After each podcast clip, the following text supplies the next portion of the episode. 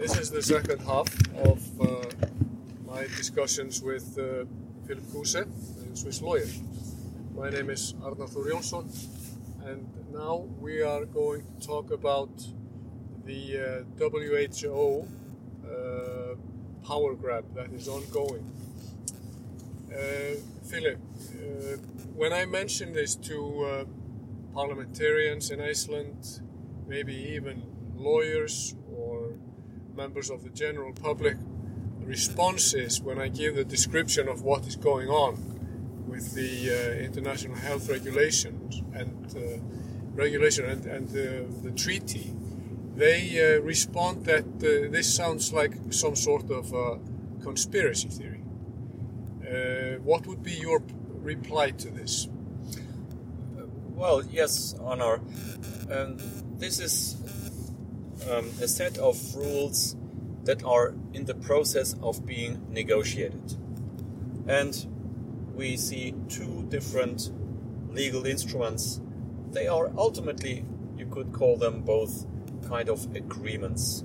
One is a totally new agreement, the new pandemic treaty, and the other one is an already existing agreement, which is called the International Health Regulations, that shall be widely amended. And both of these agreements um, are in the process of being negotiated.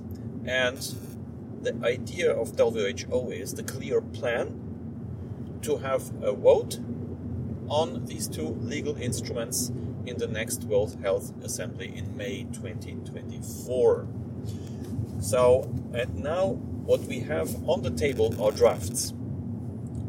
Most of the politicians don't know anything about these two agreements or these two legal instruments. And those who think to know something about it, they usually say, oh, wait, this is still in the process of being negotiated and being drafted. Wait until we have the final version, May 2024, and only then we can respond to you. Um, what I say is all the key elements of what will ultimately be in the final drafts can be seen and identified already today very clearly why do I say that? Because we see these key elements already in the past discussed by WHO itself, by member states who say we need to strengthen the capacities of WHO, we need to strengthen the financials of WHO, we need to give WHO more power.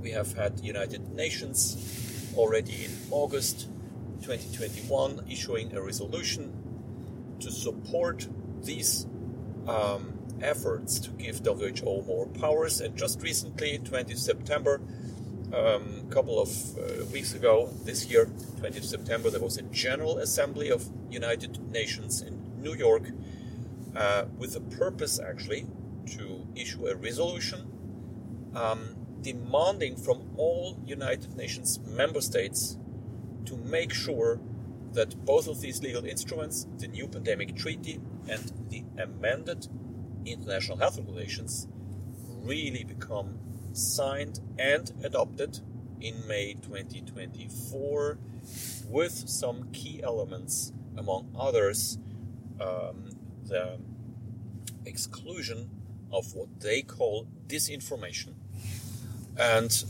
um, to make sure that no wrong information, nothing what WHO qualifies as wrong information, is uh, available. And I don't want to go into details, but this is something very real on the table right now, which have has far-reaching consequences on all of our lives with a permanent effect and will alter the value of our constitutions with a permanent effect. Um, so that with respect to the democratic principle we have discussed earlier, uh, meaning that it's about the people to decide by what kind of um, system they want to be governed, um, what shall be their permanent way of being ruled, this is always, as a universal principle, accepted, um, re- reserved to the people.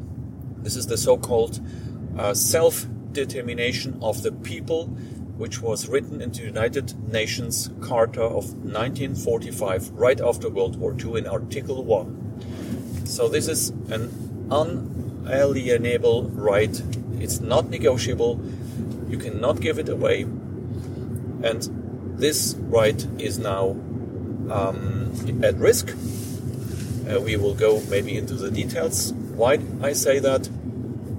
But this is visible already today. And that means people need to be involved. There must be a public debate. People need to be asked whether we want that. You cannot put so fundamental changes into a mere health regulation that is under the rules of the WHO coming into force by way of an automatism, just automatically, without any parliamentary involvement, without any vote of the people, without any ratification process. Um, this is so far the idea of WHO to have the most far reaching um, uh, new rules, World Health rules, imposed on all countries by mere automatism. And there we have to step in as lawyers, inform the people, and the people have to exercise pressure on the politicians. So, in short, uh, in practice, this means that if uh, the WHO or the general director or whatever he's called at the WHO declares a PHEIC, that is a, an international uh, Public health emergency of international concern, yes. Yes. Emergency. if he if he, dis, if he if he declares this uh, PHEIC as the is, Yes. is, is the abbreviation, Yes. then uh, constitutional rights will be overridden by the the WHO, right? Will be suspended, yes. This is right.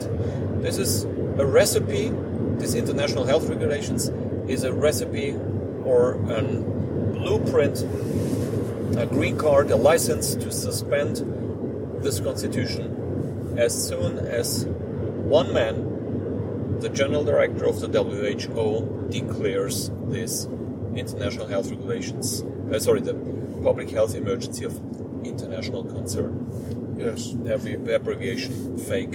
And why do we say that? Yes, because in the current available drafts, we see clearly that what so far was um, called uh, recommendations, non binding recommendations, will become legally binding. We see that from the drafts very clearly. Politicians should consider that as soon as possible. They should at article look at Article One. They should look at Article 13A and Are you, are you talking about the treaty? the or international, the, yes, international health regulations, the amendment to the international health regulations. Um, Do you differentiate between the two yes, uh, in, in terms of uh, which one is more uh, dangerous to the, yes. Which one would you say was Um, more this, this is an important. This is an important question because we see um, both of these two legal instruments. They have overlapping key concepts. Many things you will find in both of these, um, you know, legal instruments, like this monopoly of information, the license to censorship, uh, One Health, and, and so on. But why do I say the international health regulations are much more dangerous?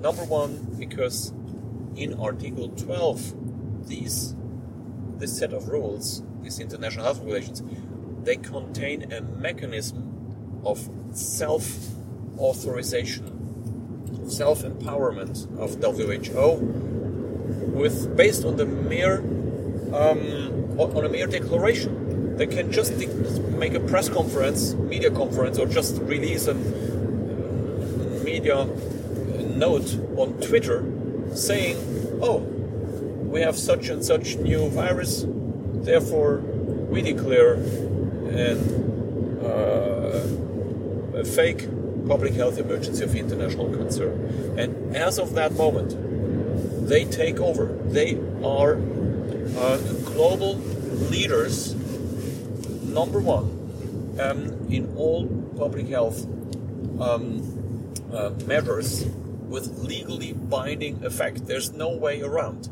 If they say you have to measure um, to qualify the public health uh, situation in your country with such and such invalid test, you have to use this test. Uh, it doesn't matter whether the doctors in your country say our hospitals are empty, we are uh, we don't have a real problem, and if WHO says and now you have to make sure 80% of your population is um, vaccinated um, twice per year with this new substance.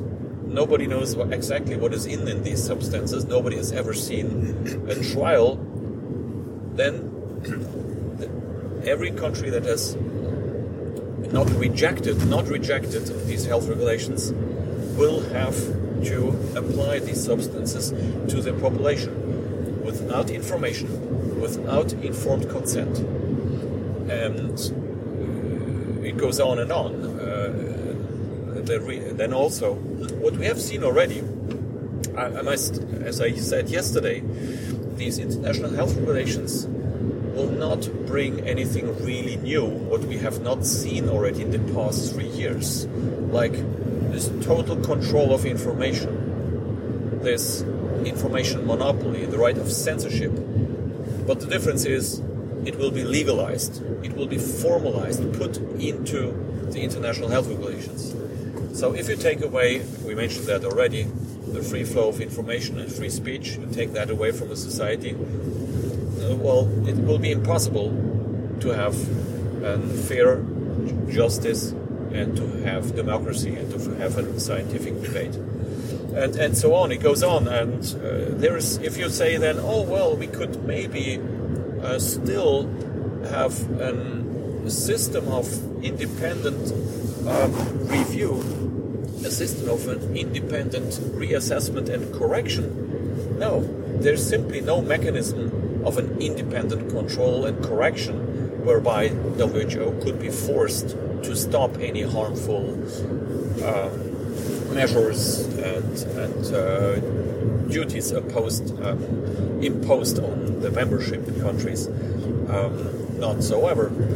And the last point that I really find very worrying is the fact that both WHO and all the producers of these substances or medical products they enjoy full immunity. Uh, they never have to fear that they will be brought to justice. There's no accountability whatsoever. So altogether, you have one person telling the world under which legal status we live. Now, upon any given time, he can decline in emergency situation. He can give orders to the entire um, world, to all of the citizens. No second opinion will be toterated. No alternative treatment will be allowed no free information. All of that is a perfect recipe to a total. It's an invitation, actually. It's an invitation to the WHO to take over control of the sovereignty of this country and on, over the self-determination of the people. And this is why it makes it so so dangerous because we are not asked, we are not involved in this process of uh, political open debate at all. It shall come into force automatically uh, 12 months after May 2024. So it shall come into force on 1st of June 2025. And this should be immediately brought to the public attention and uh, in particular to the attention of the politicians. Okay. So what is going on in Iceland at the moment is that uh, the, the Minister of Health has put forward a bill where uh, these, uh, this, this international uh, health regulation is, is uh, referred to many times. and basically the bill seems to be saying that whatever is stated in this regulation will have to apply under certain circumstances. Okay, so uh, by asking the parliament to uh, to uh, consent to this and making this uh, valid law in Iceland, uh, I see this as uh, Parliament being as Parliament writing an open check Yes. to the uh, WHO and whatever bureaucrats are governing the WHO at that point in time, and that if this is done, then it might prove very difficult uh, for Iceland to reclaim the uh, sovereignty that is being given away through this mechanism. Absolutely. Do you agree? Oh, 100%. How would it be reclaimed? Only by what? By by uh, uh, canceling the, the agreement or, or stepping out of the uh, Well, uh, the WHO or what? in, in theory, in theory, Yes. uh, every country would probably always say, stop, enough is enough. We step out of the WHO or we step out of such and such agreement. But think of how the public opinion and the political opinion will be if the control about all information uh, is in the hands of WHO. If they control the newspapers, all the news, all the television channels, um, then nobody will actually come to this idea and develop the political uh, will to uh, really step out of WHO or do a certain agreement. So the moment to do that is now. We must make sure that it doesn't come as far. And that actually the negotiations for these two legal instruments are stopped. Because when we see right now we see that that ultimate um, result of these two legal instruments will um, mean that we will lose our sovereignty. We will lose our self-determination. Can So, yeah, so the time is now to uh, to uh, withdraw put pro, pro Yes. pressure on the politicians. Absolutely. That they re- withdraw from the negotiations or this whatever is going on, and just what? Yes. Keep things what as as they have been. Well, I mean, you know, they if they don't if they don't do anything, um, they allow their government to participate in a process whereby um, ultimately power is handed over to WHO to determine what we have to inject, how we will have to live, Yeah. um, under which conditions we can Right. go to work. So that must be stopped. So this is a train that has to be stopped. This train has to be stopped. Actually, we have to withdraw from even negotiating because we are negotiating a, a slavery treatment. If you think of it an individual comparison as it is as if you would make an agreement with your doctor telling him whatever um, flu season will come, I give you the power to determine mm-hmm. when I will have to take what, and I will never ask a question what you will be giving me. Mm. Even if it is experimental as hell, mm. I will not question what you will be giving me. So this agreement is actually made not only with respect to one person's life, but with respect to the life of all the citizens of your country. And therefore, step away from these agreements. This must be the demand to the politicians. Make sure that the government stops negotiating and rejects rejects even participating in these negotiations. And that applies to the, the regulation, but also to the to the agreement. Or, Also, the, the new pandemic treaty, yes, we have been speaking only about the international health regulations because there's this automatism to bring them into force. Um, but in my opinion, the same must apply to the new pandemic treaty because Have you heard that there is such a clause in this that when two thirds of the member states have agreed, this will this becomes binding upon everyone? Um, the new pandemic treaty. Uh, I think it's actually the regulation. Well, this two third is a quorum for the new pandemic treaty to be uh, adopted. To be adopted. Yeah. Okay. It's the treaty. Okay. Yeah, f- by the uh, World Health Assembly next May. Yeah. Uh, yeah, but there is a mechanism by which WHO's uh, World Health Assembly can provisionally set into force the new pandemic treaty even before it has been ratified Yeah, okay. by uh, the national parliaments. Um, this is a bit a different story, the new pandemic treaty.